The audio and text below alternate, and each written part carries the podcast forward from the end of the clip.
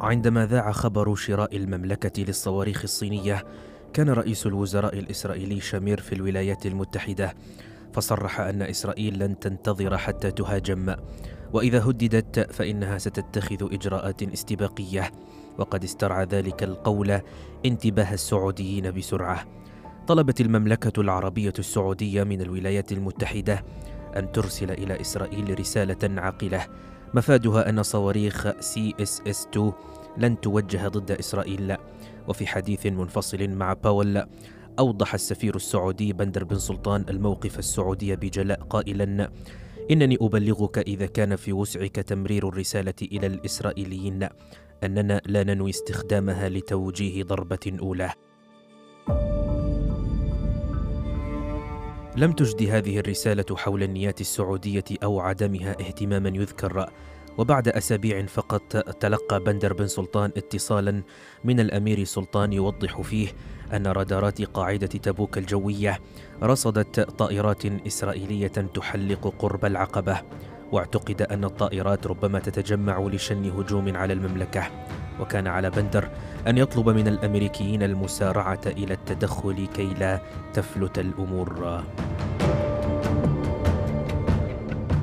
سأل بندر الأمير السلطان عن الموقف السعودي إذا هاجموه فكان جواب الأمير سلطان صارما فقد أصدر الملك أمرا بتعبئة سلاح الجو السعودي بأكمله وتوجيه طائراته شمالا وهي بكامل أسلحتها وذخائرها وشدد على أن المملكة لا تريد أن تفتعل مواجهة لكنها إذا هجمت فلن يكون أمامها سوى الاشتباك وسيشمل ذلك استخدام الصواريخ الصينية. شدد الأمير بندر على عدم إخفاء إجراءات تحضير الطائرات في القواعد الجوية السعودية عن الطيارين والمستشارين الأمريكيين لأن ذلك سينقل رسالة مقنعة أكثر من أي شيء آخر قد يبلغه إلى البيت الأبيض. فأكد الأمير سلطان أن هذا الأمر قيد التنفيذ بالفعل. اتصل الأمير بندر بن سلطان بالجنرال باول على الفور ثم ذهب إلى منزله مباشرة.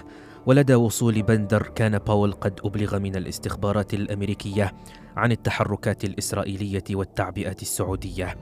حي الجنرال باول الأمير بندر قائلا ألم أقل لكم؟ لقد ظننتم أنكم أكثر أمنا. انظروا الآن إلى ما فعلتم بأنفسكم. أجاب بندر. إننا أصدقاء منذ زمن طويل أيها الجنرال. إليك رسالة بسيطة جدا من المملكة العربية السعودية. نحن لا ننوي مهاجمة أحد بهذه الصواريخ ونحن نعرف قدرات إسرائيل وسيكون الأمر بمثابة انتحار إذا هجمناها وألحقنا بها بعض الأضرار. لأنها عندئذ ستدمر كل شيء لدينا. لماذا تدفعوننا من موقف عدم رغبتنا في أي اشتباك؟ إلى موقف لا خيار لنا فيه سوى الاشتباك. وختم بالقول يمكنني أن أؤكد لك أنه إذا هاجمنا الإسرائيليون فلن يكون أمام المملكة العربية السعودية خيار سوى الرد. وليحدث ما يحدث. حكومتي لا تحتمل أي هجوم من إسرائيل من دون أن ترد. لذا أبلغ الإسرائيليين بذلك. أومأ الجنرال باول لبندر أن ينتظر ثم توارى في مكتبه وقال حين عاد الإسرائيليون يقولون لما كل هذا التوتر لدى السعوديين؟ إننا نقوم بتمارين ليلية ليس إلا. قطعه بندر ليقول حسنا نحن أيضا نقوم بتمارين ليلية لا أكثر. رد باول حسنا لنكف عن هذه المداورة. الرئيس يريد أن تنهي إسرائيل والمملكة العربية السعودية حالة توتر ولا يريد أن يهاجم أحد الآخر. كان بندر مقتنعا أن هذه المواجهة بين إسرائيل والمملكة العربية السعودية وضعت المملكة على حافة الحرب. لذا سعى ليؤكد لحلفائه الأمريكيين أن الصواريخ الصينية بعيده المدى ليست نووية وكرر القول إن حيازتها تمت لأغراض دفاعية فقط. وفي رد على التهديد من إيران وعلى أثر رفض طلبها الحصول على صواريخ لانس قصيرة المدى. قبلت إسرائيل على مضض تطمينات المملكة ولا شك أن قبولها معزز بتقديرات استخبارية لمحدودية فعالية الصواريخ من الناحية العسكرية ولافتقارها إلى الدقة. عجلت صفقة الصواريخ السرية في حدوث توتر في العلاقات الأمريكية السعودية وكان الواقع السياسي لدخول الصواريخ إلى المنطقة شديدا. لقد شكل القرار السعودي شراء صواريخ صينية ابتعادا كبيرا عن استراتيجيات مشتريات الأسلحة السابقة وغير بضربة واحدة المعادلة الاستراتيجية في المنطقة. وربما كان التغيير الأكبر في المعادلة الاستراتيجية مدى صاروخ CSS 2 الذي قدر بنحو 2000 ميل. بل إن الصاروخ المعدل لحمل ذخيرة تقليدية ثقيلة هو أكبر الصواريخ وأطولها مدى خارج ترسانات الدول النووية الرئيسة. ما يجعل بلدانا مثل إسرائيل وإيران والاتحاد السوفيتي في متناول القدرات السعودية بالإضافة إلى الصومال وإثيوبيا والسودان وتركيا وأفغانستان وباكستان وغربي الهند. قللت صفقة الصواريخ الصينية في الحال اعتماد المملكة على مظلة الأسلحة الغربية. ودفعت نحو إحداث تكافؤ في الفرص بين الأسلحة العربية والأسلحة الإسرائيلية وزادت في فرص نفاذ الصين إلى الخليج. والأهم أنها دلت على تغير فريد للطريقة التي درج السعوديون على العمل بها في الغرب. وعلى أي حال أصبح لدى السعوديين صاروخ قوي ومتطور نسبيا وربما يكمن تقديره في قيمته النفسية وهيبته.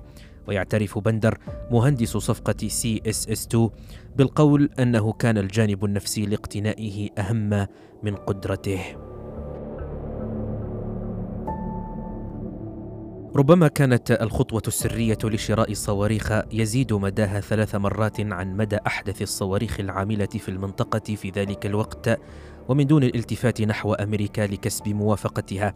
أجرأ خطوة تقوم بها المملكة العربية السعودية منذ نشأة الصداقة بينها وبين الولايات المتحدة. أدى الرفض السعودي إعادة الصواريخ إلى جانب رفض السماح بأي تفتيش أمريكي للأسلحة وهو ما أدى إلى قيام وزير الخارجية الأمريكية بقطع علاقته ببندر. وصدرت تعليمات بألا يتصل أي مسؤول أمريكي ببندر أو يتحدث إليه أو يتعامل معه. وهكذا جمدت العلاقات الدبلوماسية الأمريكية واستثني من ذلك مسؤول مكتب الشؤون السعودية. كان رد الأمير بندر بسيطا حيث قال يؤسفني ذلك لكنكم قد منحتموني إجازة. بعد أسبوعين تصاعد الاضطراب في لبنان وطلب من بندر العودة إلى واشنطن لإجراء محادثات. واصل شولتز مجافاة بندر الذي أقر أنه يتفهم سبب انزعاج شولتز لكن بندر شعر من ناحيته أنه لم يكذب عليه وقال لقد أبلغته كل ما كان علي أن أطلعه عليه ولم أبلغه ما لم يكن علي أن أطلعه عليه. كان الأمير يدرك أنه كان يسير على خيط رفيع فاعترف أنه دفع الأمور إلى حدودها القصوى في بعض الأحيان.